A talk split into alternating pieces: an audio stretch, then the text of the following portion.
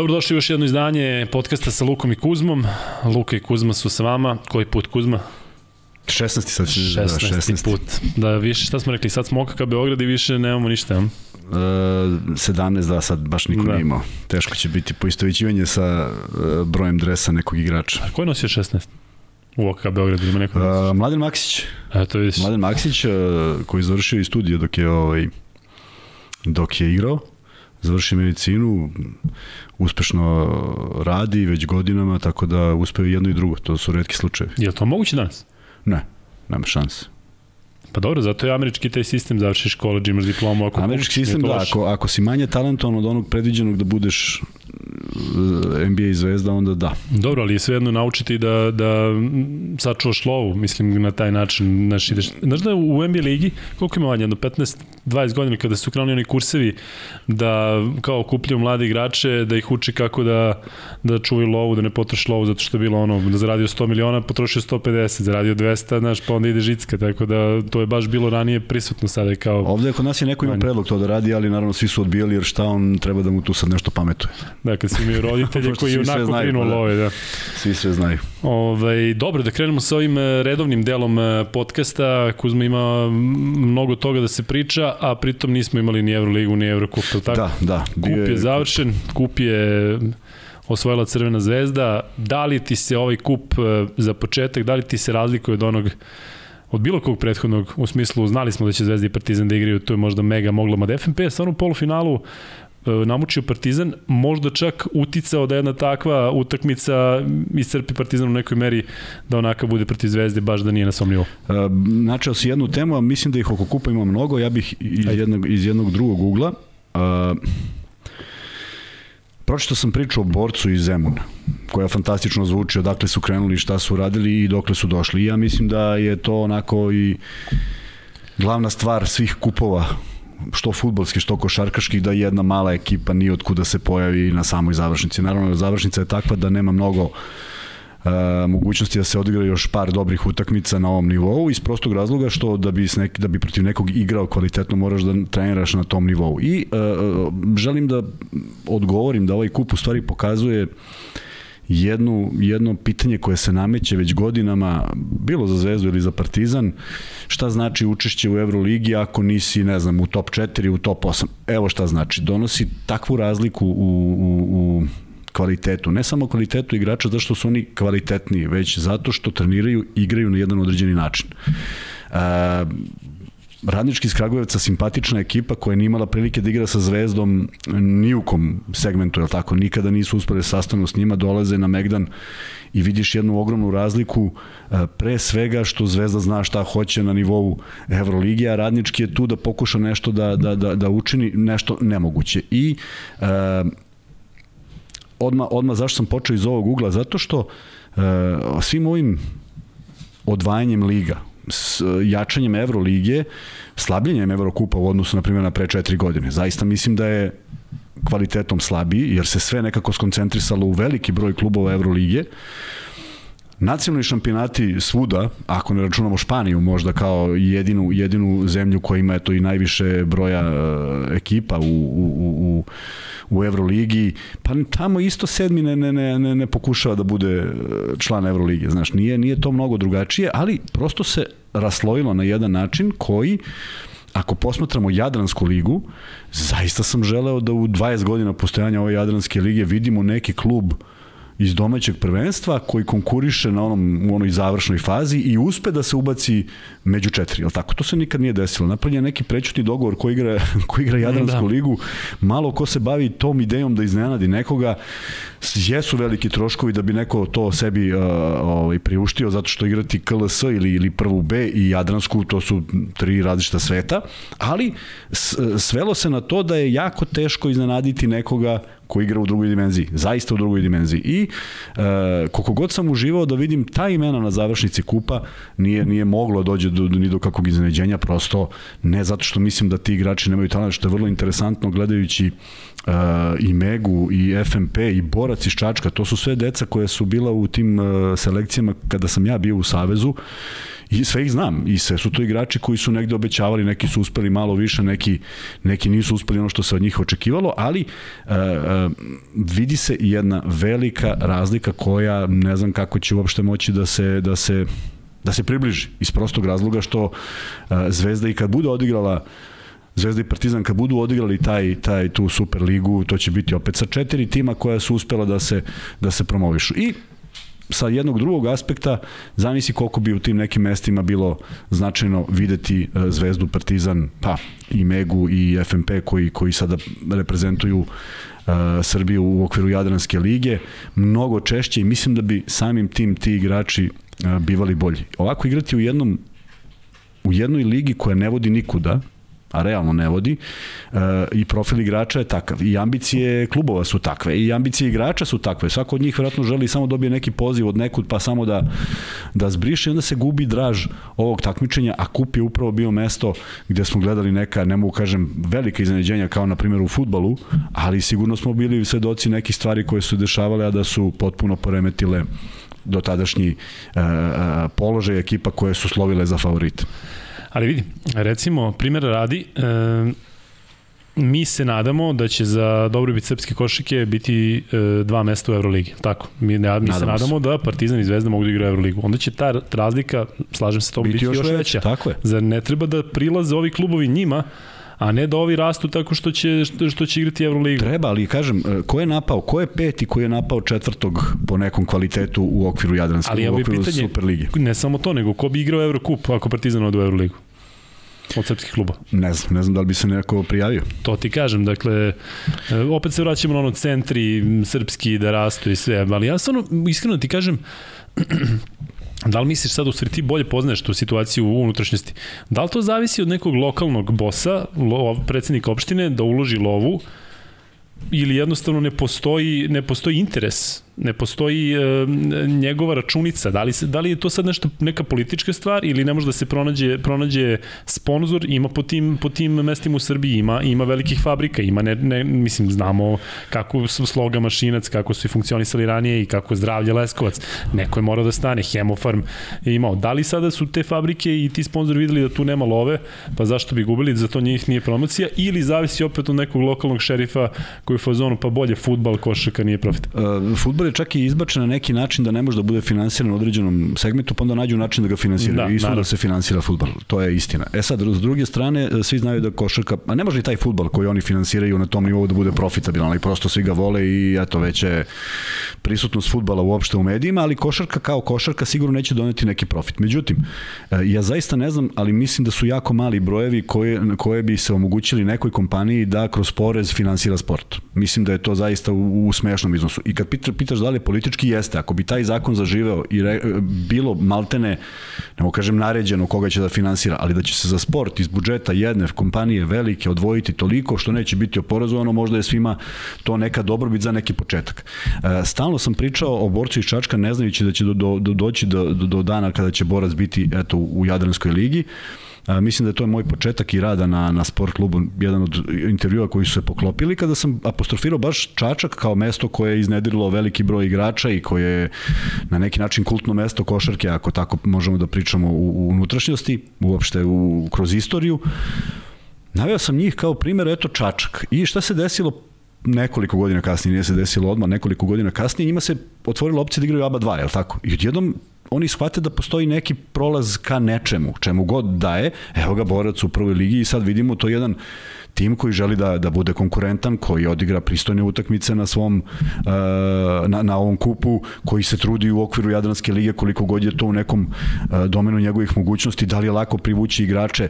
Moje pitanje je gde su sad uh, oni mladi igrači iz, iz regiona koji su nekako gravitirali ka tom čačku, možda obratiti pažnju na njih pre nego na neke igrače koji nisu donali ono što se možda od njih očekivalo, govorimo o inostranim igračima, jer siguran sam da postoje deca koja to mogu da iznedre. E sad, naravno, sve u projekciji kluba, koliko može da se čeka, da li može da se čeka, da li je ovo sezona u kojoj se sad sve to lomi ili ne. To su neke stvari za diskusiju i naravno ne mogu da, da znam šta se tačno dešava tamo, ali iako sam obeležen kao konzervativan, da, ja bih volao da vidim uh, kako neka deca iz Čačka igraju protiv Partizana i Zvezde mnogo češće, koji bi samim tim dobijali i veću, veći, veći neki stimulans i neki motiv i videli kako igrati protiv Kalinića. Ne možeš da izađeš protiv Kalinića kao čoveka koji je odigrao majestralno ceo ovaj turnir, ne možeš da izađeš i ne znajući uopšte šta radim, gledao si na televiziji, pa to bi bilo i suviše lako. Moraš da ga osetiš, moraš da vidiš gde si u svemu tome, moraš da se potružiš da budeš bolji. Sačekaš onaj revanš koji si igra u tvom gradu posle gostovanja u Beogradu, pa odigraš znatno bolje. Dakle, to su sve neke stvari jer u jednom, u jednom okruženju kakve je KLS u kojoj se nalaze pojedini klubovi, nema mnogo velikih zvezda, nema mnogo igrača koji donose tu neku, uh, uh, nemaju tu težinu i nemaju taj kvalitet da bi ti znao kako je nositi se sa igračima kategoriju iznad. Tako da kup jeste ono što su svi očekivali, finale se i desilo. Mislim da je Partizan mogao za nijansu bolje da se nije povredio Smajlegić, to je bilo sigurno drugačije. Ovako već na početku utakmice se videlo da je tu skraćena rotacija. Zagorac koji imao probleme zdravstvene e, nije bio uopšte na parketu, tako da na neki način dve ekipe koje su najviše pokazale i u, na evropskoj sceni i u okviru Jadranske lige i naravno zasluženo došle do finala. Mislim da je Zvezdina pobeda zaslužena odigrali su, nametnuli svoj, svoj način igre i meni je samo bilo neobično što sam video Partizan u drugačijem izdanju od, od onog što smo gledali u Evropi, gde se ipak igrali na pojem više i u jednoj tranziciji, naravno zasluga Zvezde što nije dozvolila takvu igru, ali to je ono sada kad pričamo o afinitetima šta se nekome dopada, zašto sam ja pristalica ove košarke, volim da kažem, tabanaju na, na drugu polovinu, pa, pa u 24. sekundi postignu koš i, i razbiju protivnika. Prema tome, kažem, sve je stvar afiniteta, E, mislim da je, da, je, da je bila dobra košarka generalno kroz kup. Gledao sam čak i utakmicu e, FMP Čačak, baš zbog toga da vidim te momke koji su se negdje izgubili, a u stvari prave prilično pristojne karijere i video mnogo, mnogo poznatih lica, tako da mi je drago da su tu i sad završen je taj jedan ciklus, e, kup je prošao i ajde da vidimo kako će da se odrazi na jedne, na druge, na treće, na sve, kako sada taj, kako će svi analizirati, jer ovo je, ovo je, ne mogu kažem, veliki udarac za Partizan, ali ovo je prva utakmica u sezoni koja je bila bitna, tako? Ovo je, ovo je, nema popravnog, Evrokup, Evroliga za Zvezdu je stvar koju možeš da popraviš, ovde nije bilo popravnog i videle su se neke stvari s kojima treba da se suoče i, i, i, i Radonjić i Obradović. Reci mi, da li ti ova utakmica, da li te podsjetila na onu prvu između Partizana i Zvezde u ABA ligi, gde je Zvezda odmah od starta nametnula svoj ritam, praktično nije bilo neizvestno. Da, da li to sada, da li ovo sada pokazuje da tu postoji razlika? Bojim se da da, da, zato što sam očekivao da vidim Partizan u, u boljem izdanju. Da. Uh, ne zato što, zato što se nešto drastično promenilo, nego zato što raditi s jednim od najboljih trenera i raditi toliko dugo, neke stvari moraju da se ustanove, da se, uh, video sam bezbroj puta njegove reakcije kad se okrene na klupu, on u stvari priča klupi šta ne sme da se uradi, to znači da se ponovo desilo to nešto i to, to mora da nestaje polako, jer ako, ako, se, ako se iste greške ponavljaju, zaista uh, jesi u problemu. Uh, mislim da su im se opet ponovile neke greške koje, koje nisu, nisu ovaj, uh, otežavaju kada već utakmica počne ovako i kada se igra protiv jedne ekipe koja tačno zna šta hoće, jer Zvezda ipak uh, onu, onu, onu bazu nasleđuje iz godine u godinu. Ovde je veliki broj igrača koji u krajnjem slučaju igra taj kup i igra te utakmice na nivou svakodnevnom, a ovde imamo jednu plejadu igrača izuzetno talentovanih, ali Balša Koprivica nema osjećaj kako igrati kup jer prosto nije imao prilike da ga igra. Tako, dakle, ovde je bilo dva, tri igrača. on, praktično u Navodim Balša Koprivicu kao jednog od najtalentovanijih, apsolutno, da. koji je mnogo napredovao, ako se gleda početak sezone, očigledno ono što smo pričali koga treba da slušaju deca poznatih košarkaša, treba da slušaju trenera da uče, ali on nije mogao juče da bude prevaga, iz prostog razloga nije, nije realno to očekivati. Uh, s druge strane, kažem, rotacija je bila skraćena i onda se, onda se desilo to da je Panter naravno bio izolovan na jedan odličan način, prosto više niko nije pomagao sa njega, gledali su svi u njega i onda ko je donao pre, prevagu su donosili drugi igrači.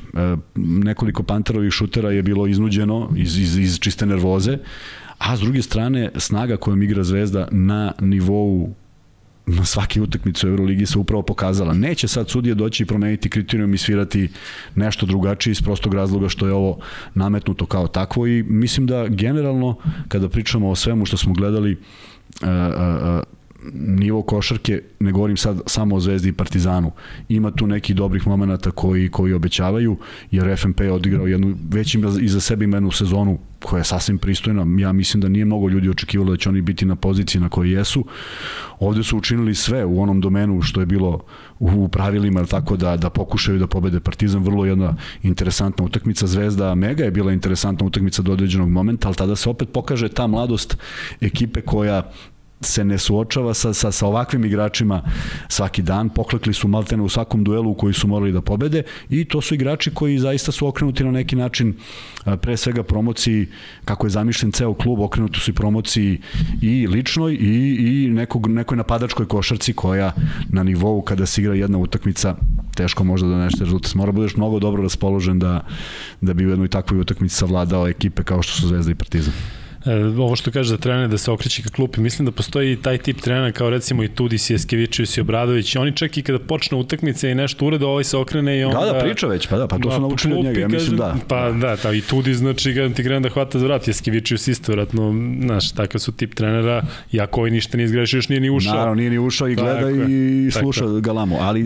zna se zašto je to naravno, priča, zašto naravno, ćeš ući u igru i ne smeš da ponoviš to. E sad, umeđu vremenu se desilo da jedan portal piše o problemu koji je očigledan svima nama bio vidljiv, ta velika razlika između Zvezde i Radničkog iz Kragujevca, između Partizana i Borca koji, kažem, ima jednu lepu priču iza sebe i koji se pojavio tu i mislim da treba budu ponosni na to što se pojavili.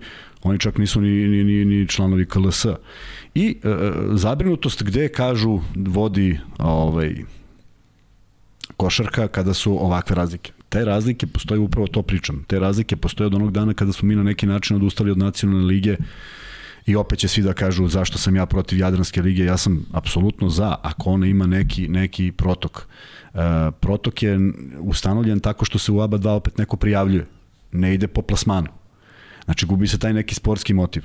A s druge strane, stvarno mi je bilo interesantno zašto nije postojala ABA 2 po uzoru na prvu B ligu. Ako je već to rang niže, zašto ne postoji i onda kogod, kogod je prvak tih istoka i zapada uđe u te lige. Onda je došlo do toga da su zagovornici te teze da to ne može da prođe bili a šta ako budu e, na posljednjim mestima dva tima sa istoka, uslovno rečeno Srbija, Crna Gora, Makedonija, ili sa zapada. To se desilo samo jednom, nećeš verovati. Da, to se samo desilo da, samo jednom, e, pominjao sam. Dakle, bit će sve veći jaz, jer oni se prosto ne susreću. I e, sad kad smo kod tih razlika koje, koje su upale u oko momcima s tog portala, Uh, zaista dok sam gledao tu utakmicu pristio sam se jednog neverovatnog uh, momenta iz karijere, nije kup u pitanju, ali je u pitanju utakmica uh, igrali smo protiv Lovćena, budućnost igrala protiv Lovćena sa Cetinja i ja prosto teško mogu gledalcima da prepričam kako to izgleda. Dakle, sve ono što znaju Zvezda Partizan ili gostovanje Partizana i Zvezda u Podgorici je ništa naspram utakmice između budućnosti i Lovćina, naročito u onom periodu kada su na Cetinju vladali liberali i dolazi Podgorica, to je jedan potpuno neprijateljski klub, mislim, nema tu nekog novog govora i naravno svakom je stalo tu sada da prođe što bolje. Međutim, imali smo izuzetno moćan sastav, ali smo otišli na utakmicu sa idejom da pokažemo, da demonstriramo šta znamo. I desetak, 11 minuta do kraja, bio je time out, bilo je 34, 5, 6 razlike i jedan od mojih saigrača dobaci Danilu Mitroviću da bi bilo interesantno da malo ovo sad začinimo, na primjer, da nam da neku premiju za ovakvu pobedu. Naravno, odmahnuo je glavom i rekao da ne dolazi u obzir. I onda smo podigli nivo da pobedimo 50. I onda smo pobedili 50, tačnije 51. I govorim o jednoj moćnoj ekipi koja igra protiv ekipe u, u okviru svoje lige. Ne dva ili tri ranga niže. Go, govorimo o jednoj, o jednoj sili koju možeš da demonstriraš i upravo sad se vraćam na ovo kako izgleda igrati zvezda protiv nekoga. Dakle, a, e, a, e, zašto smo mi bili toliko dobri? Zato što smo trening imali takav da je možda bilo teže pobediti u toj trening utakmici drugu petorku nego Jasno. odigrati protiv ekipe Lovćena. To je jedna od najvećih pobeda u kojoj smo imali. Ko je igrao za Lovćen tada? Se sećaš, igrao Jereti, nije? Mislim da nije. A ne, ne stvarno. Ne, ne zaista. Mislim, Dobro. nisam, nisam Lovćen je imao pristojan tim u jednom periodu. Lovćen je uvek imao pristojan tim i da. Je pravio neke fantastične rezultate i Lovćen je uvek bio jako težak za igru. A, s druge strane, kad odete na gostovanje tamo, o, M, je, M je puna hala, a, zaista opasno Da, da, znam, Vrelik si navijača. dva prsta ovog Amerikanca centra. Da, kad je da, pokazao, ne, ne, ne ovako, nego ovako. Da, Da, da. da. Ovaj, i, i, I znali su da igrali košarku, znaš, tamo ako, ono što se iz perioda kojeg se ja sećam, tu je bio i Čarapić i, i, i ovaj, bože, centar iz Hemofarma, Savo Đikanović, Savo Mali Đikanović. Peković koji ima povredu kolena koji je obećavao zaista, bio je bogavac na Lovćinu, dakle to su bili igrači koji su posle pravili ozbiljne karijere i nikad nije bilo da odlaziš na Lovćen sa, sa nekom idejom da neće se pomučiti. Da. Tako da, eto, prisetio sam se toga zbog te razlike i e, e, činjenice da, da to, na, nažalost, po sve nas, po, neku, po neki kvalitet košarke ide u tom pravcu. E, opet pričati o tome da se vrati nešto u okvilje, o, o, pod okvire nacionalnog šampionata, mislim da nije nešto što, što ćemo skoro gledati. A s druge strane očekuje nas opet Jadranska liga i njeno finale koje se dešava u sred uh, borbi za, za, za Evropu. I to je nešto mi stalno smetalo. Od Pričali uvek mi je da. smetalo i vidjet ćemo kako će sada reagovati ekipe i uticat će sad ovaj rezultat i ovaj kup na jedno samopouzdanje ili manjak samopouzdanja, to je definitivno tako.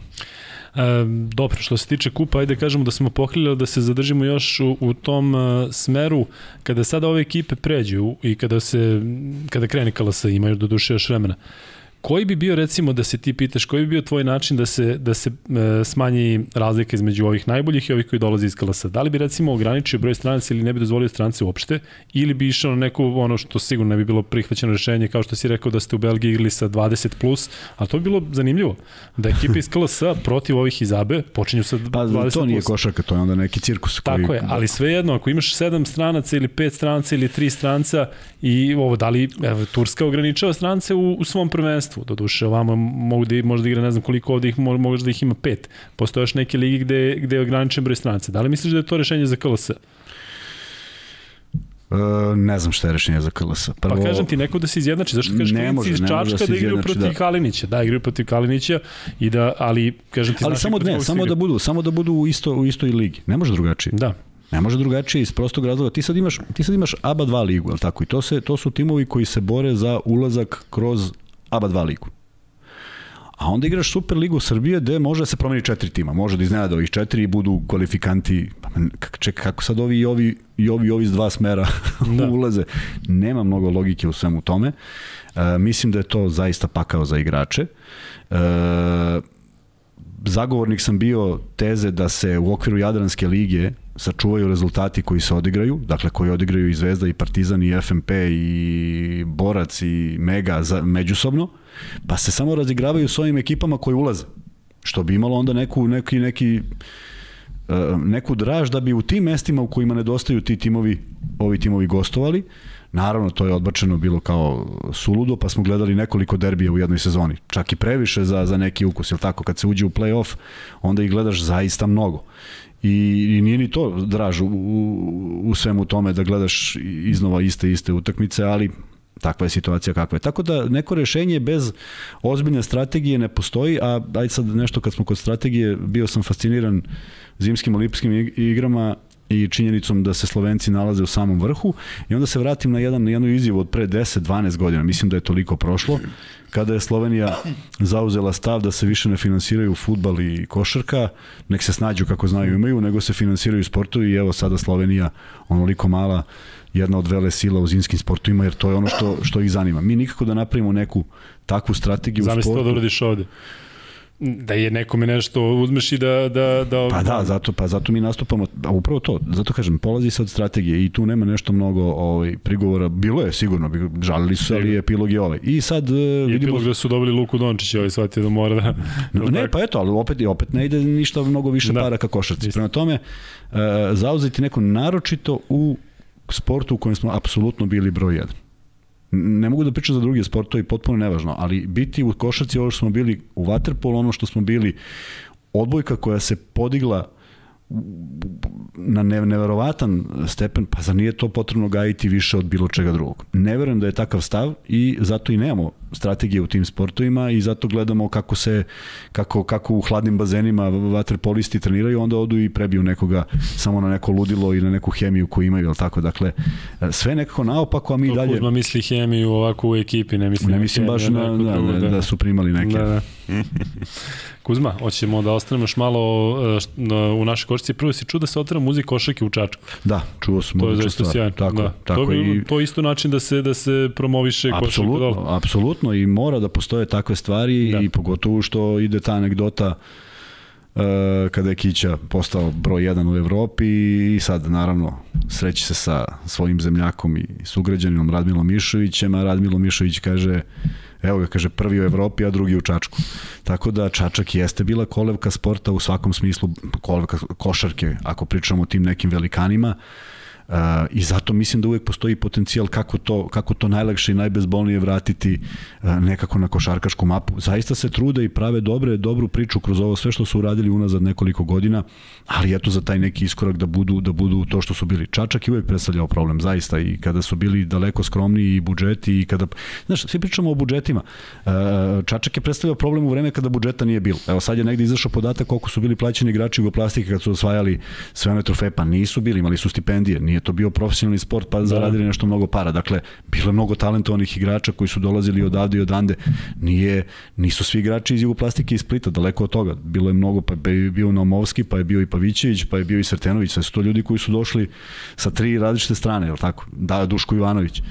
E, nekako, nekako, znaš šta je, mislim da, mislim da sve ljude u vremenu u kojem živimo vodi to da taj rezultat mora da bude odma i onda dolazi do razočarenja ako nije odma, a da. ništa apsolutno ne može odma, tama napravili 12 najboljih koje, koje želiš da dovedeš, da možda i dovedeš i da želiš da dovedeš, ne garantuju ništa ako se neke stvari ne poklope. Tako da navijam uvek za te, za te klubove gde je uvek bilo vruće, gde je uvek bilo interesantno, gde si imao slačionicu od 2 sa 2, pa se je pola ekipe skida dok pola ekipe stoji napolju, ali sve to donosilo jednu posebnu draž zato što su to ljudi koji su znali košarku. Ti navijači su znali košarku. Oni su nisu bili fudbalski navijači, bili su baš košarkaški navijači širom Srbije.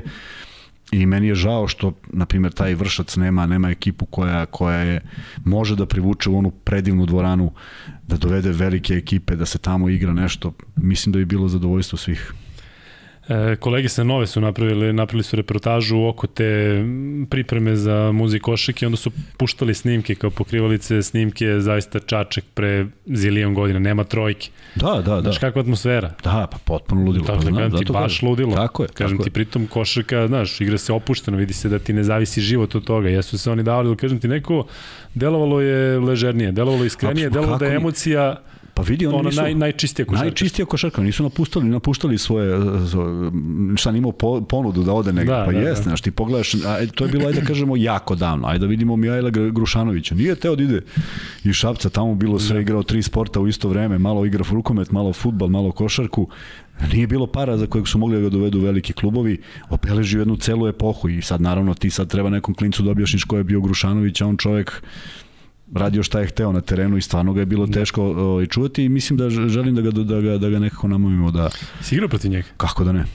Ajde onda te znamo ko će da ga namami. Namamit ćemo ga sigurno, Ajde. samo da dođe da ga da uhvatimo. Pazi, ali ako kažeš njega nisi mogao da namamiš, ne znam, klubovi sve, moramo da smislimo nešto da bi, da bi došlo. Doći, da doći, doći. mislim divan je tip i, ovaj, i On zaista... On je baš odakle, nije Šabac. Negde. No neko selo, da, pored. Da. Da, da. U svakom slučaju čovjek koji je, koji je svima zadavao probleme i pitanje je kako bi se on snašao da je otišao u neki veći klub. Ja sam duboko ubeđen da bi taj klub gde god on dođe morao bazira malo igru na njemu. E, znaš, dešavalo se da je bilo igrača, na primjer Slađan Stojković, izuzetan šuter. I onog momenta kad je otišao Partizan, nije se bazirala igra na njemu i on nije bio da. svoj na svome. A u radničkom a u radničkom, se po 40 pa, naravno, pa, da, da, zato kažem, znaš, a ovde bi, ovde bi se ipak stvari, jer toliko je bio na neki način dominantan i jednostavno, ništa on nije nešto pretrano znao, niti bio školovan, niti pravio neka čuda. Jednostavno, dar od Boga i, i davao je kogod je hteo. Naravno, bila je ta jedna utakmica da smo uspeli ovaj, i to, to, to skidam kapu zato što su to počeci jedne odbrane za koju se čudim da se ne upražnjava više, iskreno govoreći, juče je bilo u par navrata, to je moment kada e, centar ili, ili, post-up igrač pokušava da ubaci niskog, pa jednostavno zatvoriš mu sredinu reketa i teraš ga da se okrene oko svoje desne noge, da ide na out liniju, jer mnogo je manje levaka i onda sad taj okret iznuđuje da šutneš levom rukom. Kad tu kada se udvoji igrač na osnovnoj liniji, znalo je da pravi probleme. I utakmica baš protiv Šapca, svi znamo da Mikan igra dva levo ili dva desno, kako se zvalo i znamo sve šta će da se desi, ali prosto ne bi mogo da ga zaustaviš i Muta Nikolić postavi odbranu da Milenko Topić stoji tako da Mikan mora da se okrene oko svoje desne noge, a Topalović koji je bio prilično košarkaški potkovan, inteligentan, uleti onako u pravom momentu i stvarno Mika nije znao šta ga je snašlo i morao je da se oslobađa lopte. I tu smo napravili najubedljiviju, najubedljiviju pobedu u Šapcu jer smo samo tako čuvali Mikana. Stigli u gimnaziji tada? Tako? Ne, ne, ne, ne, nije. I, o, I vrlo interesantna stvar se desila kada je Saša Đorđević to napravio u polufinalu protiv Francuske, ja bih, ja bih rekao svetsko prvenstvo, kada smo udvajali sa osnovne linije, kada Francuzi prvo po vreme nisu znali odakle dolazi uopšte udvajanje I ja znam da sam prekomentarisao tu utakmicu na RTS-u i izjavio sam ovo je možda predlog i ideja Mute Nikolića. Međutim, onda su intervjuisali Mutu i stvarno ispao šmeker i rekao uh, hvala na tome, ali ovo je uh, profesor Nikolić postavio i pokazao nam. Tako da, eto, dakle, ide ta neka ideja. Juče u par navrata to Zvezda uradila na Lideju, I onda je Kuzmić nesmotreno napravio faul, jer u toj poziciji, prosto kad si već tu zatvorio, ne, ne, ne, ne treba uopšte čačkati loptu. Jako je teško iščupati se, naročito ako je onaj gornji pas prvi čovjek pokriven. Ta lopta preko dva visoka igrača jako teško prolazi i to je bilo jedno od tajni kako smo nekad postavljali odbranu, a u to vreme je ipak taj Muta Nikolić uh, kao mlađi trener tog perioda, Darko Russo, kao, imali su svoje ideje kako, kako te stvari raditi i onda kad ih usavršiš, stvarno je ovaj, teško postići koš.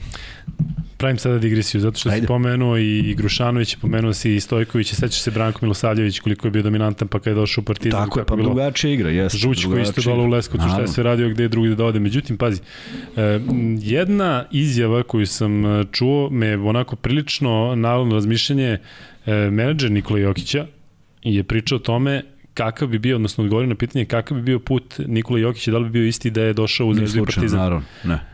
Ni približno. Kada razmisliš o tome, pazi, on kaže, on je tada pravio greške, ali greške koje bi ga u Partizanu i Zvezdi koštale, koštale mnogo, Absolutno. gde mora odmah da da. A u Megi napraviš grešku, pušt, pustiš ga, on nauči, pričaš mu Tako i sve, i nema nikakav pritisak. E. I onda ljudi koji e, pričaju negativno o Megi, u stvari, e, u smislu, znaš, Mega nema ambicije, neće da igra Evropu, neće se, ali to je u stvari E, mesto za mlade igrače da stvarno osete ovo sve što ti kažeš, da igra ravnopravno sa Zvezdom i sa Partizanom, a da ne, ne sedi niko iznad, sada govorim o, o navijačima, znaš kakav je pritisak navijača, ti bolje znaš. Sve stoji što kažeš, ali da. ajde, ajde, uzmemo Nikolu Jokića. I sad moramo nešto i da ovaj, da mu damo na značaju koliko je inteligentan košarkaški. Jer imao si isti primer, identičan primer Goga Bitadze. Zašto nije uspeo? Ne može da kažeš da nije uspeo. Pa u NBA-u. Pa mislim, dobro. Ne, ne, došao je, do, ne, ne, došao je do, do, možda je on sanjao da bude tamo, ne, Korint igrački.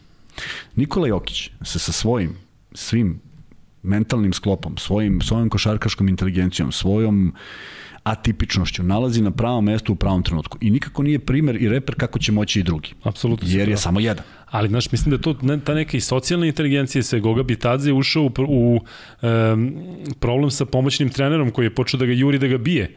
Nekako ne mu da zamislim da to može da se desi Nikoli Jokić. Sve, znači, sve stoji, dao trojku sve, i sve. sve stoji, da, sve i ne, stoji. Znaš, pratim ja njegovu statistiku i sve, on igra i čekamo da, da eksplodira. Nije onda ne može da kaži nije uspeo. Ipak igra u Indijani, nije postigao šta bi trebalo da postigne na latri pik, odnosno neko, neko tako visoko rangiran ali opet Jokić sa 41. pozicije, dali su mu, naš, Bitadze je baš upao, ono, mora odmah sve. Kod Jokića nije bilo mora odmah sve. On nije spreman za mora odmah sve. A Tako Jokić, je. a Jokić možda i jeste, on je pokazao da, da jeste. Dakle, da. govorimo opet o nekom nečemu što je posebno kod njega i što ne može da bude pravilo. Evo gledamo Simanića. Ja bih voleo da sam ga video na utakmici protiv Zvezda da strovali 40 poena i kaže sad ću ja sam da ih dobijem. On je u istom onom u istom onom mentalnom sklopu kao što je i bio i da. igra jednu, jednu prilično pasivnu igru, šutira trojke i, i ne da Bože krene za kucavanje, a kad krene, pitanje da li iko može da mu parira, je tako? Ali to je do njega i ne može to neko da ga nauči. I ja verujem da mu svi tamo pričaju da treba da igra drugačije, ali prosto njemu se neće otvoriti tako vrata. Iako je za njega NBA spas. I on, ja mislim da bi on bio srećan kad bi otišao NBA i možda bi stvarno nešto i promenio i možda bi našao sebe tamo. On ne može da nađe sebe da bude igrač od kojeg očekuješ ovo ili ono. Uh, upravo je potpuno njegov menadžer zato što uh, ne može da svojom ne ukažem neodgovornom igrom, daleko od toga. Ne može on ovom igrom koji igra u NBA ne bi mogao da doprinese to na taj način u Evropi jer su drugačija pravila još uvek je drugačija košarka i bilo bi mu mnogo teže i ne bi razumeo zašto ne igra i ne bi razumeo zašto je izašao, tako. A s druge strane ovde se poklopilo mnogo stvari. Priča da. se o kvalitetu ekipe, priča se o treneru koji ima tu žicu. Daj se neki koji nema, daj se taj što je Jurio Gogu, što je šutnu trojku i tako dalje. Dakle, sve se tu poklopilo, ali on ipak eksploatisao svoj neverovatan talent, neverovatan uh, koeficijent inteligencije košarkaški, jer on nema, nema preispoziciju u odnosu na nekoga ni u čemu, tako? E, uh, on je jedan i ne bi to trebalo da bude tako, jer ja bi, ja bi volao da vidim više Meginih igrača, ja lično, više Meginih igrača koji se ne baziraju na nekim takvim ekstremima kao što je Jokićeva inteligencija ili nekim ekstremima kao što je nečije telo, nego da vidimo jednog igrača u Euroligi od kojeg zavisi mnogo toga. Da vidim, jedno. I onda ja kažem, to je to, to je pravi pravi razvojni put. Znaš, e, mislim da se u jednom smeru dobro razvije. Evo gledamo Petrušev, ja bih želeo da on igrao za Efes. Zaista želim, ja tog, tog klinca znam od kad je u, u 16 smo bili zajedno i znam koliko je vredan, koliko je radan, koliko mu je teško pao prelom na u 16 kada smo bili sedmi, jedini razlog zašto smo bili sedmi, znači već bili projektovani za medalju, oni sa, on sa Pecarskim u tandemu bili su savršen tandem. Uh, koliko je puta se odazvao reprezentaciji, koliko puta je došao, on je strahovit napadač. Ali Euroliga zahteva više od toga. Možda će on svoje napadačke sposobnosti eksploatisati više u NBA. Možda mu niko neće tražiti te neke defanzivne. Da. To je sve sad stvar i neke sreće i nekih afiniteta koje svako ima. Uh, znaš, navešću ti jedan primer, uh, malo ljudi zna i sad kad počnem da pričam, svi se začude. Ja sam bio u budućnosti kad se pojavio Saša Pavlović. Ja ne mogu ti objasnim brzinu tog deteta. Nije on imao neke naročite finte. On prodrma ovako glavom i tebi pukne kuk. Znači, uopšte ne znaš u koju će stranu. Toliko je bio brz.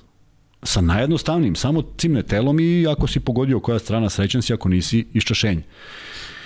Ja sam zaista bio ubeđen da će on biti jedan od najboljih evropskih igrača. Zaista. Zaista sam mogao da kažem da će ovo da bude jedan od najboljih. Znači, šut, skok, telo, glava, lepo izgledao, ej bre, onako sav košarkaški. On je izabrao da u NBA, što je ostvarenje svih snova, ali on je tamo bio jedan od igrača. Pa Saša Pavlović bio u petorci s Lebronom, Saša Pavlović bio ozbiljan igrač, ne bih ja rekao da je njegov put pogrešan. Ne, sla, otišao, nego ja kažem ovde je bio brojan. Za, za, kako posmatram? Opet stvar afiniteta. Bodiroga nije nikad otišao zato što je bio broj 1 i želeo da bude broj 1 i bio broj 1 i bio broj 1 gde god su igrali. E, ja sam mislio da će to biti put Sašin, da će on biti da. upravo to, jer mislio sam da je to prvi kojeg vidim u svemu da ima sve to što je potrebno. I hrabrost i drskost, znači sve one pozitivne stvari. Nije bio neodgovoran, nije izbegavao da igra odbranu, sve je slušao, sve, sa igrače stavio. Skakao ko lud. Skakao ko lud, on naskoči, znaš, ja, ja sam volao da naskočim u reke, to naskoči, stvarno ti nije prijatno. Pa onda još kao onako, znaš, sa 17-18 godina zaleti se na zakucavanje, pa ovi ispod koša izlome ga, pa ne možeš baš na treningu preko da. nekih reprezentacija. Sve to imalo svoje i, i, i, i e, e, koliko mi je drago što je napravio jednu fantastičnu NBA karijeru, meni je ostao, meni je ostao neki žal što on nije pokušao da bude neki Carlton Mayer svog vremena, Danilović iz onog vremena, Đorđević iz svog vremena, Bodiroga, znači sve su ljudi koji su donosili trofeje. E, njega sam video kao takvog i žao mi je što nije to. Inače, apsolutno skidam kapu za ono što je igrao i način na koji igrao i godinama koliko je opstao u NBA. Znaš šta, volimo ako kad odemo tako široko. Kad odemo široko, a, a ti pazi, kao spremali smo se za emisiju. A pazi, e, ne znam da li to vole i gledalci, ali kažem ti, ja i ti odemo, znaš, odemo u neke stvari koje sigurno ne bi pomenuo. Da, 267 njih voli. Da, upravo se. Više, nešto je više, poraslo je to Kuzma, ne platiš ne, ja, sad ako mi ne bude bar 275, bit ću ozbiljno nervos. Posle Pavlović, ja? Posle Pavlović. Mora anegdote da bude dobro. Ti svoje već ispuca anegdote, da? A, on, volao bi njega da dovedemo da on ispriča svoju anegdotu, nešto mi je rekao, nek ostane da, Ajde, da, da jednog dana kad on bude došao da kaže. Dobro, čuli ste, Kuzma je obećao Grušanović i Pavlović. I to sutra. Sad ćemo da vidimo. Da. E, Elem. I to e, zajedno. Kuzma, dosta kupa, a? Vraćat ćemo se na da, naše ekipe, smo, da, pričat ćemo se, košaci, ali ostajemo u našoj košaci, da. e, pričamo o reprezentaciji koja se sprema za novi prozor. E, hoćeš prvo da prokomentarišeš izjavu Svetislava Pešića o strancima, možeš slobodno da kažeš i šta je rekao i šta i ko je pa, prvi počeo da priča o tome da li treba da bude stranaca u reprezentaciji i ko je pomenuo tu priču. Ne da, u jednom da od naših da prvih podcasta, da, tako prvi ili drugi, ti si počeo o tome da li, da li Panter zaslužuje. Ne, ne, ne, ne, nemoj pa sad, na, bolje ti pa onda koji sad krenu vidi ga onaj. A ti mene ovo sad za Glušanović i Pavlović, ja, dobro. Ne, ne, kao vidi ga onaj šta se setio. Da. Uh, da, pričali smo o tome i uh, izazvali određene reakcije i za i protiv.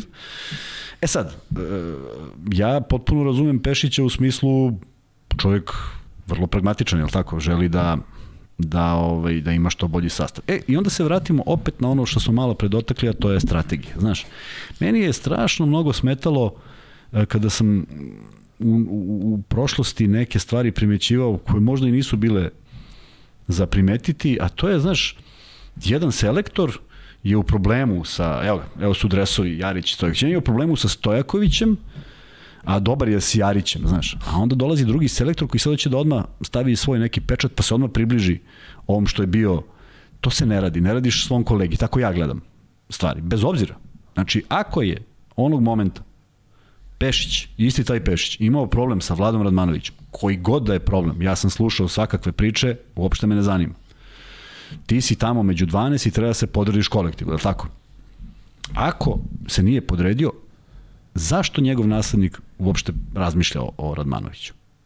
Zato što time, time, time šalješ jednu lošu poruku. Svom kolegi. Možda ga voliš i da ga ne voliš, možda imate isti stil, stil uh, razmišljanja, ali on je narušio kult reprezentacije. Nije on narušio neki nešto bez veze. On jednostavno je pokazao da nije spreman da bude u tih 12. E, sada Pešić izlazi sa svojom idejom, koju, kažem, podržavam iz pragmatičnih razloga. Ali da li je ona negde razmatrana? Da li je neko, da postoji nešto iznad što bi neko volao ili ne bi volao? Da li sme neko nešto da voli? Ne znam. Ali Samo da prosto... da kažemo, Pešić razmatra mogućnost da dovede strance. Tako je. Igrače sa srpskim Tako pasošem. Tako je, ne, ne, ne, naravno, na to mislim. Tako. Da. E sad, onda je, neko, onda je neko, opet neki portal ubacio Sašu Stefanović. Saša Stefanović nije stranac sa srpskim pasošem. Saša Stefanović, njegov otac je Ljubiša Stefanović, pokušali smo da ga par puta intervjuišemo, međutim takav im je ritam u, u, u, u NCAA, ali ćemo sigurno uspeti. Igla vrlo kvalitetno na Perdue.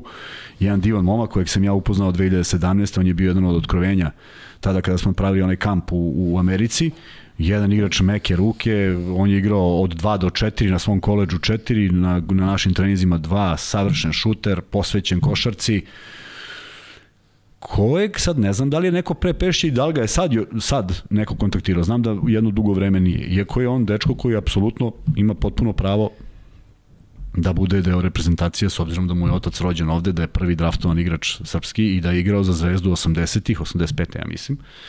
Tako da on nije stranac sa srpskim pasošem, on je Srbin koji živi u drugoj zemlji, je tako? E, sad da li, je, da li se mislilo na to, da li se mislilo na nešto drugo, sve to ostalo nekako nedorečeno, ali vidjet ćemo. Volio bi da postoji plan i program, jer Saša Đorđević je bio izrečito protiv, ako se ja dobro sećam. Onda smo videli sad reakciju Teodosića, ne mogu da, ne znam koliko je verodostojna, koliko je on stvarno reagovao ili nije reagovao, to je isto za, za diskusiju, ali vidim da je on nije za to, znaš. E tu treba napraviti neki konsenzus šta i kako, zato što mislim da treba voditi račun o takvim stvarima. Ne može da bude ničija volja, jednostavno mora postoji neka strategija ko, zašto, kako i naprimjer, opet jednu digresiju, opet jednu digresiju da ti, da ti kažem, ali desila se i volao bi da, volao bi da imamo da, zaista mnogo gostiju koji su zaslužili da bude. Jedan od njih je a, Struja Lukajić, trener koji je obeležio određeni period a, srpske košarke. A, pravili smo neke edukativne treninge u okviru Saveza i on je došao da bude jedan od onih ljudi, kako su bili zamišljeni. Potpuno sad odlazimo od teme, ali vrlo je bitno da ljudi čuju. I to je, ne znam da li još uvijek postoji. Zamislili smo da jedan takav trener, a bio je Darko Ruso koji je bio slobodan tada, Lukajić koji je bio slobodan, Vlada Đokić koji je bio tu u zemlji, Boško Đokić pokojni, znači svi su oni, Boža, Boža Maljković, svi su oni vodili jedan trening sa decom koji uopšte ne poznaju. Znači odemo u srce Srbije, okupimo 16 klinaca koje mi negde proberemo i dolazi trener koji o njima nema nikakvu predstavu. U smislu, ne voli nikoga više ni manje. I jednostavno čista slika i ti vidiš ko je tu pokačio, ko nije, ko je dobio plusić, ko nije. On se čovjek oduševio potpuno Kaže, pa deco, kaže, gde vi igrate? Oni stvarno u tom trenutku, znaš, toliko je bilo interesantne dece koje nemaju gde da prođu jer moraju da igraju faktički za džabe, a nemaju baš toliko vremena da, da, da, da, da provode u, u jednoj ligi koja, kažem, opet ne vodi nikuda. I sedeli smo u kancelariji u Savezu i on je načeo temu, joj, kaže, onaj vaš Voja Stojaković, kako je menjao trener. I stvarno, ako se ti setiš, ja sam promenio tri, Ako uzmemo da su Mihajlo Pavićić i Ranko Žeravica bili zajedno, pa je Mihajlo Pavićić dobio žuticu na početku sezone, pa je Žeravica ostao, pa je umesto Žeravice došao Ludvig, pa je umesto Ludviga došao uh, Lale, pa je Lale smenjen, pa su došli Bora Đaković i ponovo Pavićić, pa je valjda Pavićić počeo sledeću sezonu i onda je nastalo još jedno sedam smena u, u te dve godine.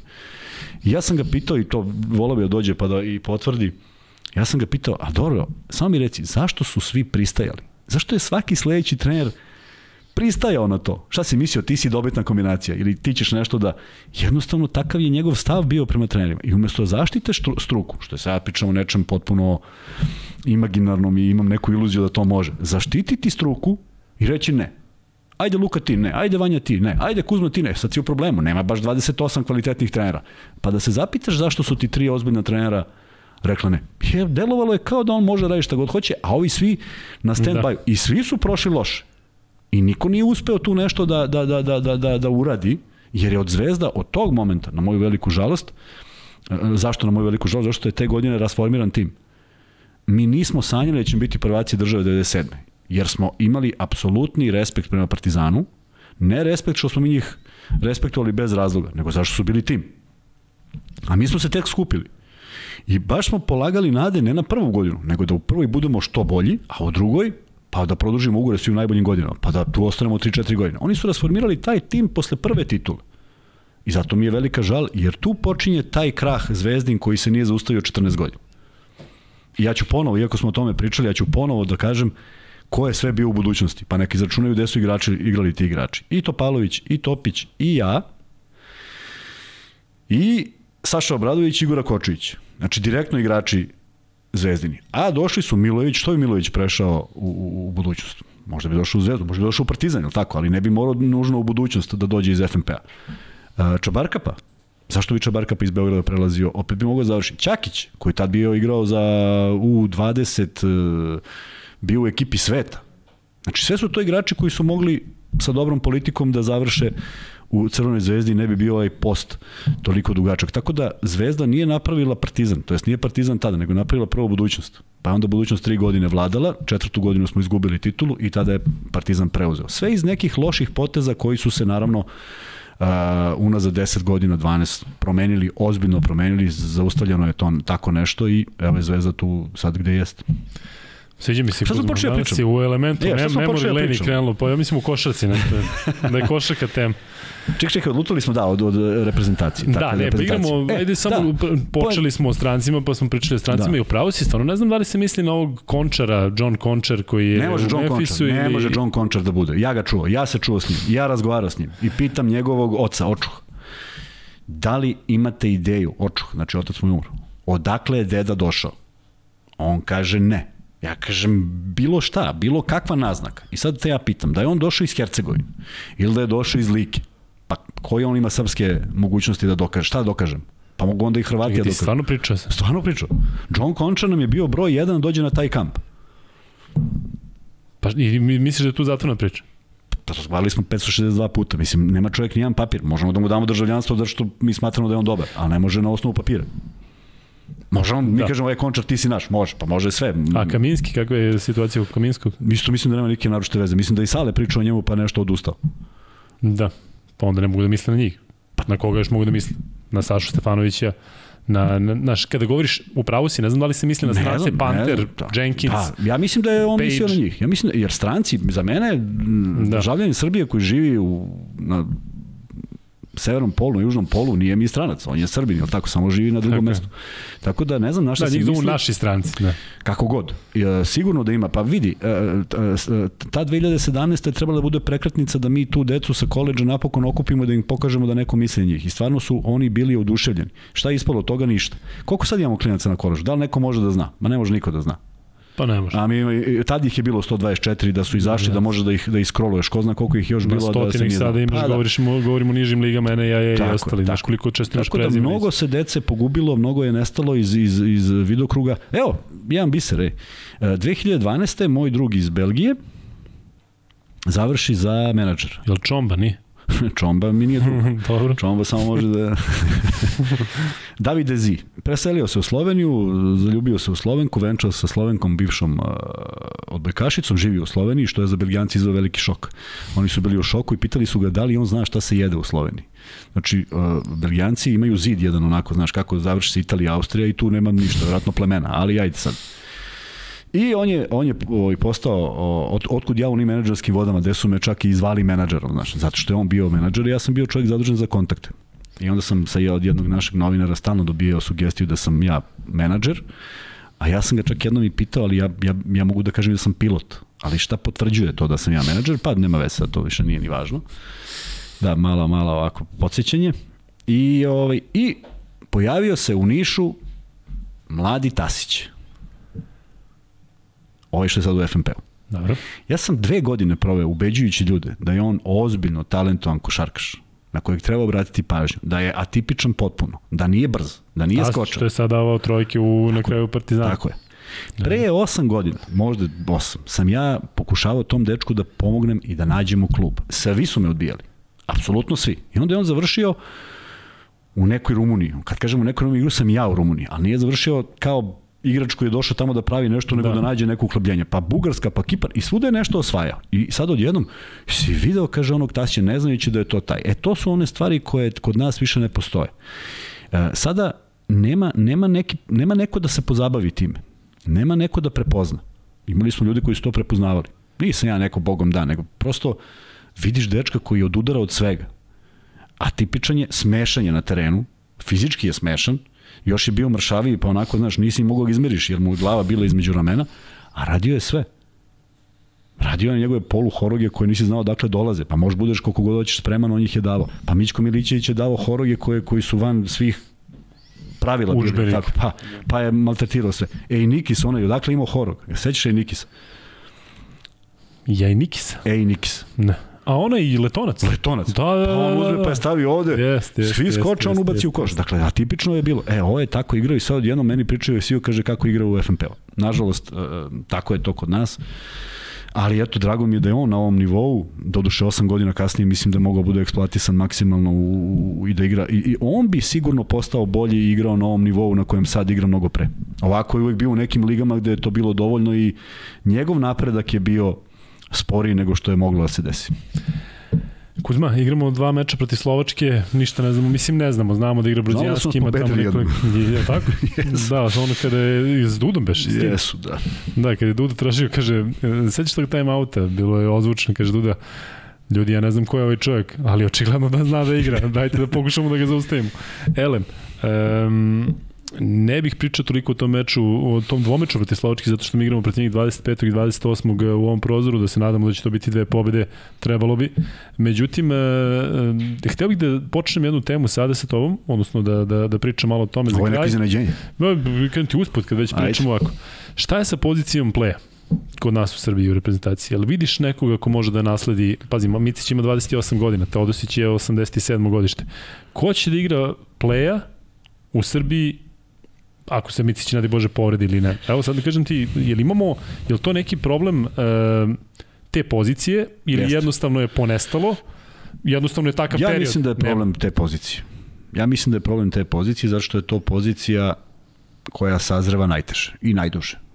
Ti treba misliš, govorimo o playmakeru mog vremena supruga mrzi da kad kažem mog vremena, ali prosto ne govorimo o savremenim playmakerima, pošto imaš i point makere i to je vrlo bitno, ali tako čovjek koji će ispika da koš i opet ne razigrava nikoga. Dakle, nije klasičan organizator igre. Ja govorim o organizatoru igre, nešto na što smo mi navikli, nešto što smo gajali u reprezentaciji, negde gde smo imali jednog Đorđevića koji da 44 u finalu, ali kad, ne, kad imaš razigrane drugi igrače, on ne mora da ni svojih šest, jel tako? Dakle, mi smo ipak gajali jednog igrača koji je pre svega organizator igre. Da bi bio organizator igre mora da prođe mnogo vremena. Da bi ga neko istrpeo, taj trener mora da bude mnogo vremena tu. Da neko ne bi urio rezultat, mnogo treba da se uloži od tog igrača. E, gledamo Micića sa 28 godina i gledamo ga u Zvezdi. Naprimjer, sa tog aspekta mislim da je bilo strašno pametno da ga Zvezda produži. Je tako? A on u stvari svoje zrevanje doživljava kod Šaruna sa Jasikevičiusa u Žalgirisu gde mu se poklopilo da naleti na čoveka koji je znao šta mu priča. I on to poverovao. Mogu i da ne poveruje i da igra neku svoju igru i da bude levo smetalo. Ovako je on to napravio od sebe. zašto je trajalo to toliko? Zato što je to period koji je potreban da jedan igrač na tom nivou sa loptom vidi četiri igrača, vidi prolaz, vidi koš, vidi sve. I zato je on tu gde jeste. Uh, imali smo taj problem da nam se pojavio Dražen Petrović sa 16 i onda svi čekamo da se pojavi neki sa 16, ne pojavljuju sve ređe se pojavljuju, 40 godina smo čekali do Dončića da sa ovog podneblja izađe takav igrač. Dakle, uh, Saša Đorđević nije bio, bio je talentovan igrač koji je obećavao do momenta pogodka u Istanbulu gde se njegova karijera potpuno preokreće. Pokazalo se da je pobednik i od tog momenta pobedio mnogo puta. Do tog momenta nije bio taj Saša Đorđević oko kojeg su se otimali evropski klubovi. Dakle, trebao je neki moment da on sazri. Nije imao 16 godina, imao je ozbiljne godine. Prema tome, tu treba biti najstrpljiviji, a mi ih nekako najviše trošimo.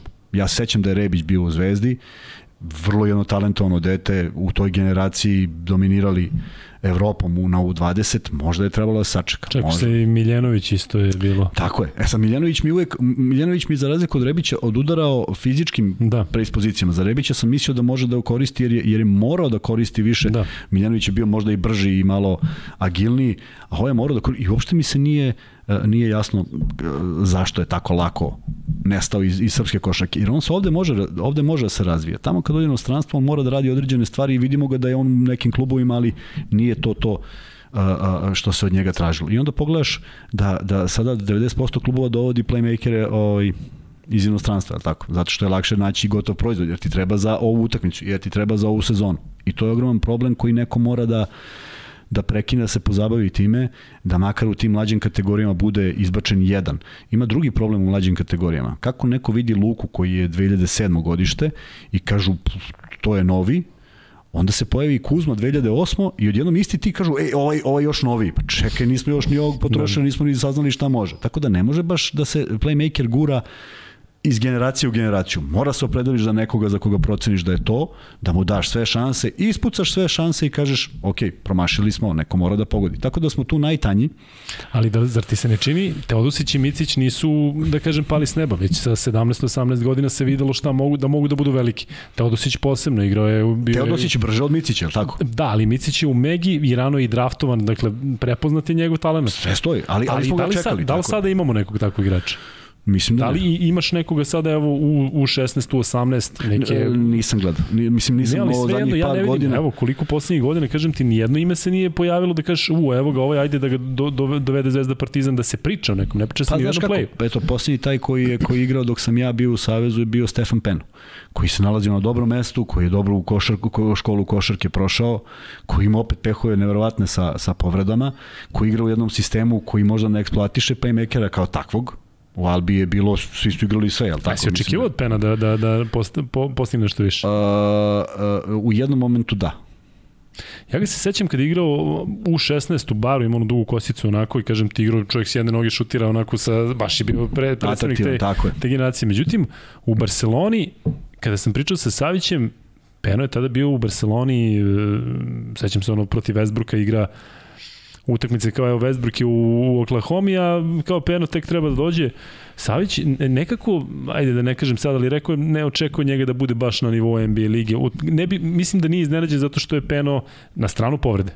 Ali no, o Penu se moguće. pričalo u pa Barceloni, znaš, bit će ne znam šta i odjednom, kažem ti, Alba pa iz Albe jeste povreda, pa tamo na pozemica, pa ovo, pa ono, kažem ti, ne kažem da, da i pre povrede on nije bio na nekom nivou da kažeš koji se očekivao. Sve, sve, vidi, sve si u pravu, ali... A zašto ja, ti kažem, to je recimo Savić prepoznao. Sad će mi neko, ne, ne da, očekuje pa dobro, pa naravno, pa vidi, neko, neko ko se bavi time i ko da. želi da se bavi time na tom nivou mora da zna neke stvari. I iskreno govoreći, nema baš mnogo grešaka nekih koje su pravili da. ti ljudi koji su, pa nas neko iznenadi. Ali, a, ajmo da odemo u Madrid, koji obožava da skuplja decu širom Evrope, širom sveta. Nemaju playmakera. Boga mi, ovaj mali španac. Posle koliko? Posle koliko playmaker? Da. Znaš, i svi su do, i Kampaco tamo došao da, da, da bude neko ko donosi promenu. Pa sada Jović otiće u penziju jednog dana. Nije se napravio taj iskorak da se pojavi. Zato što ne može da se pojavi u tim godinama. Misliš da je to globalni problem? Mislim da je, za, za, mislim da je za košarku mnogo, da, da, da, je, da je to najzahtevnije mesto. Da, ne, Samo sigurno. toga. Ali kažem ti, evo imaš recimo Juventus da isto dovodi. Imali su, um, ovaj Žagar Smali je bio veliki, veliki, veliki, pojavljuju se, samo iskupljaju klubovi koji imaju tako, kažem ti. I ne da, razviju se, ne razviju se svi. Sada kada pričaš, e, zaista kada pogledaš po ovim najvećim evropskim klubovima, uglavnom su to dva stranca crnca. Tako je, tako je. Tu jeste problem. Da. Nije to samo naš problem, ali zato, zbog čega, zbog čega nastaje? Zato što, uh, opet, uh, kada postoji taj jedan, postoje taj Dražin i bio je zaista alfa i omega i personifikacija tadašnje lige, tako? ali nije bilo na drugim mestima manje loših, manje dobrih igrača, da. tako? samo je on bio ekstremno kvalitetan, ali tu se uh, ugovor potpisivao na četiri godine, tu se nije potpisivao ugovor, ti si tu dok neko, neki general ne dođe i kaže aj sad malo da promenimo. Pa zaista je tako bilo, ko ima ideju da ide negde? Sve su to bili igrači koji su zaista gajeni i bili su projektovani. Zašto, zašto kad pričamo o Megi, zašto uh, uh, mislim da projekat koji oni prave može da bude još uspešniji u jednom momentu. 10 matorih igrača i dva projekta. I ja nemam problem s tim, jer će ta dvojica da postanu bolji. Kad imaš 12 istogodišnjaka, ne mogu ni da budu bolji. Da li me razumeš? Manje, sporije napreduju. Moram da znaš, da znaš i kako te neko opali laktom, a da ne vidiš.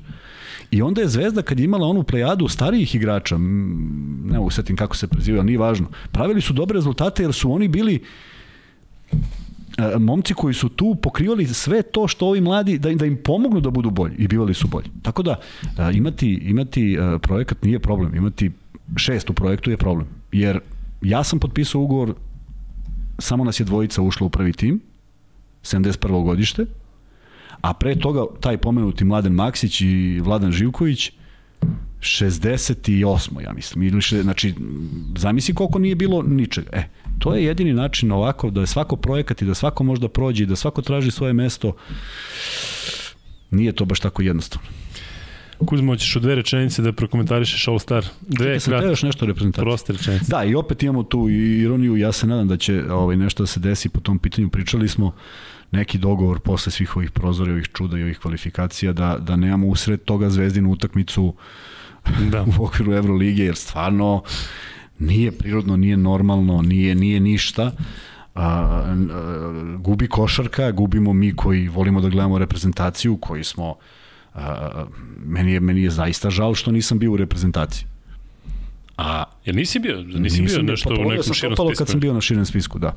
Ali, ali pa i sad ovo.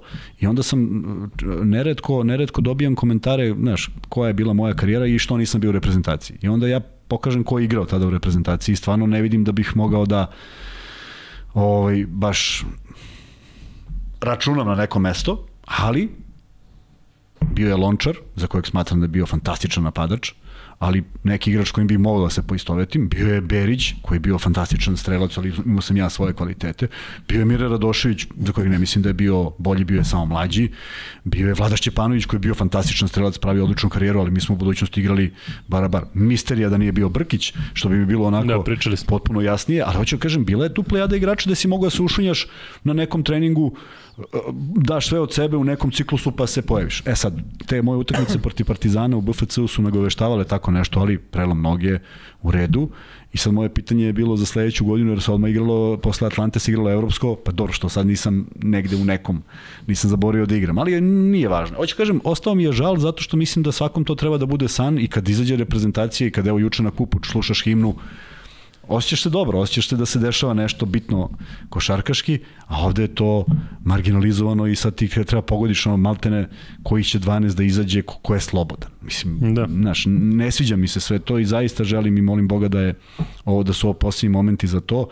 Pričao sam sa Draganom Tarlećem i mislim da će on doći da kada se malo ponovo vrati u ritam što se tiče reprezentacije, da možemo da očekujemo i njega da nam ispriča iz njegovog ugla sve te nelogičnosti koje se dešavaju, a negde, negde kada podvučeš liniju i kada shvatiš kome to ide u prilog, ti shvatiš da je FIBA jedna glomazna organizacija, al tako? I glas Lichtensteina i Srbije isto važi, al tako? I sad ti ako malo ubaciš, malo favorizuješ na ovaj način kroz ove prozore te male reprezentacije, to su sigurni glasovi srećnih glasača što su pobedili nekoga i svi uživaju. I ja bih uživao u tome da neko skine velikog. I uvek sam igrao u klubu, ne uvek. Igrao sam u klubovima gde smo težili da skinemo velikog ali samo kad su najjači, a ne da ga skinemo zato što je došao Žika i Mika jer nije ko da igra. To nije, to ja ne znam ni kako to može bude satisfakcija uh, igrača po na osob. Igrati protiv neke ekipe koje morala da se skupi, a njihovi 12 najboljih ne možeš pobediš 4 dana. Prema tome, nadam se da je tome kraj i nadam se da sam ovim završio istrpeo sve što sam imao danas da kažem, pošto u NBA ligi i dešavanjima na Ili ovom znaš da radiš u nedelju, znaš? Znaš kada je Zvezda igra? Čekaj na nedelju. Ne znaš? Pa ne znam, pa ja se spremam samo za svaku sledeću utakmicu. Kad Zvezda igra sledeću utakmicu? Protiv Panathinaikosa u? U nedelju? Ne, nije u nedelju, Pa nego to ne zbunjuš, petak. u petak. Pa A onda dobro. 27. Imaju 27. Pa, to- Piše, pa to piše da je treba dobiti na raspored. 27. da je 27. Fenerbahče. Fenerbahče Za za otkazanu utakmicu. Tako je, da. Što je sad, ovo što si malo pre rekao, stvarno je suludo. Reprezentacija igra 25. Zvezda igra 25. Reprezentacija igra 28. Zvezda igra 27. Da, pa, pa ne, dve, je li 27. Pa 27. piše Ne, 27. 20, da, dva, ne, 25. 28. je reprezentacija. Reprezentacija 25. 27. Zvezda. Da, 25. 27. 28. i... I šta pada Zvezda igra nedelja? 25. i 27. to su Dve utakmice. petak i nedelja, nedelja, pa onda tako igra je. A treći. reprezentacija 25. i treći. 28. Tako je. Tako. Nerealno i, Da. loš. Da. E, hoćemo malo samo da, da, da kažemo o, o tom dvomeču, dakle Panathinaikos i Fenerbahče. Šta očekuješ? Vidi, u ovom sad nekom ovaj, uh, usponu, a ovo treba da im bude jedna velika satisfakcija, jer su odigrali jednu dobru utakmicu, ne samo pobeda, nego jedna satisfakcija, taj prvi trofej, trofej u, u sezoni je osvojen. Mislim da ja ne vidim Panathinaikos kao, ne mu kažem kao neozbiljnog protivnika, ne mislim da postoji neozbiljna ekipa u Euroligi, ali vrlo lična na ekipe koje je Zvezda pobeđivala i imaju odnos s njima plus 60 u dve utakmice. Tako da Zvezda treba sa jednim velikim samopouzdanjem da ode i da odigra nešto slično ovome. Pritom, izvini, Panathinaikos je na loptu izgubio od Olimpijakosa u finalu Grčkog kupa. Zvezda je ovako dobila Partizan. Trebalo bi to da ima neku težinu, da ima težinu, pred tako ovaj je, meč. njihov poraz će uticati. Fenerbahče je izgubio od Efesa i to Da, da. ubedljivo u finalu Turskog kupa, da kažemo da i to verovatno, znaš, Sve to sad a opet verovatno stavlja- hoće da se vade sada ovde, I tako to da stoji, toga. ali ti dolaziš sa jednom dobrom energijom Tako. i verom u sebe, zato što je ova utakmica bila pokazatelj onoga što stvarno Zvezda mislim da može i da je mogla da uradi. Na stranu sve to što što sad pričamo šta bi bilo kad bi bilo, bile su realne okolnosti zašto Zvezda nije nije na tom nivou i u, u stvari u tom broju pobeda u kojem je mogla da bude. Ali ima još dosta da se igra. Prva utakmica je protiv Panathinaikosa. E, ideja Panathinaikosa već nekoliko poslednjih godina o dovođenju na kilo, što bi rekao jedan moj prijatelj, o, ne daje, ne daje strukturu tima, ne daje tu neku snagu i mislim da ako Zvezda izađe sa onim stavom, sa onim sa onom energijom i započne utakmicu na sličan način, da će tu Panathinaikos vrlo brzo da krene u solo priču, a solo priča protiv tima redko kada ovaj, može da, da, da pobedi. Nećemo Kuzma onda NBA. Znaš ko je Obadaja Topin? Ne Kako znaš? da ne znam. Pobedio čovjek u takmičenju Pa za da, kucavanje. pa. Obi Topin. Ni za Kyle Anthony Townsa nisi čuo što je pobedio trojkama Ne. iz Minnesota. Ne, ali čestitam. E, Kuzma, čestitam, ovim putem čestitam za sve, jebote. za sve američke Čestit, građane ja. koji nas gledaju. Dobro. Nećemo onda da gnjavimo ni sa NBA ligom. Kuzma ima osam anegdoti, sad glupo da mi ovaj, da, da pridodemo bilo šta drugo, inako smo probali rokove. Kuzma, ćeš da dodeš nešto? Ne, mislim da je to bilo to. Baš smo zakačili sve od Grušanovića preko... I obećavamo, da, ovo sad nisu prazne obećanja, zaista smo pričali sa svim tim ljudima, ali smo mi čekamo nešto, aj sad da ne, da ne otkrivamo, čekamo neke stvari da se poklope, pa Tako u je. odnosu na to gledamo da li možemo da, da, da ubacimo i ovu priču, jer uh, nezgodno je sve to organizovati, a još uvek nemamo zeleno svetlo za, za neke stvari i od toga će u stvari zavisiti broj gostiju, ali zaista sa mnogima smo pričali, mnogi su spremni da dođu i samo čekamo pravi moment. Da znamo čemu Kuzma priča, ne čekamo neka zelena svetla. Uh, Joe, Fred, Bill, Dobro, to je to za ovu turu, dakle 16. izdanje podcasta sa Lukom i Kuzom. Nadamo se samo da vam je bilo interesantno kao što je bilo i nama. Vidimo se sledeći put.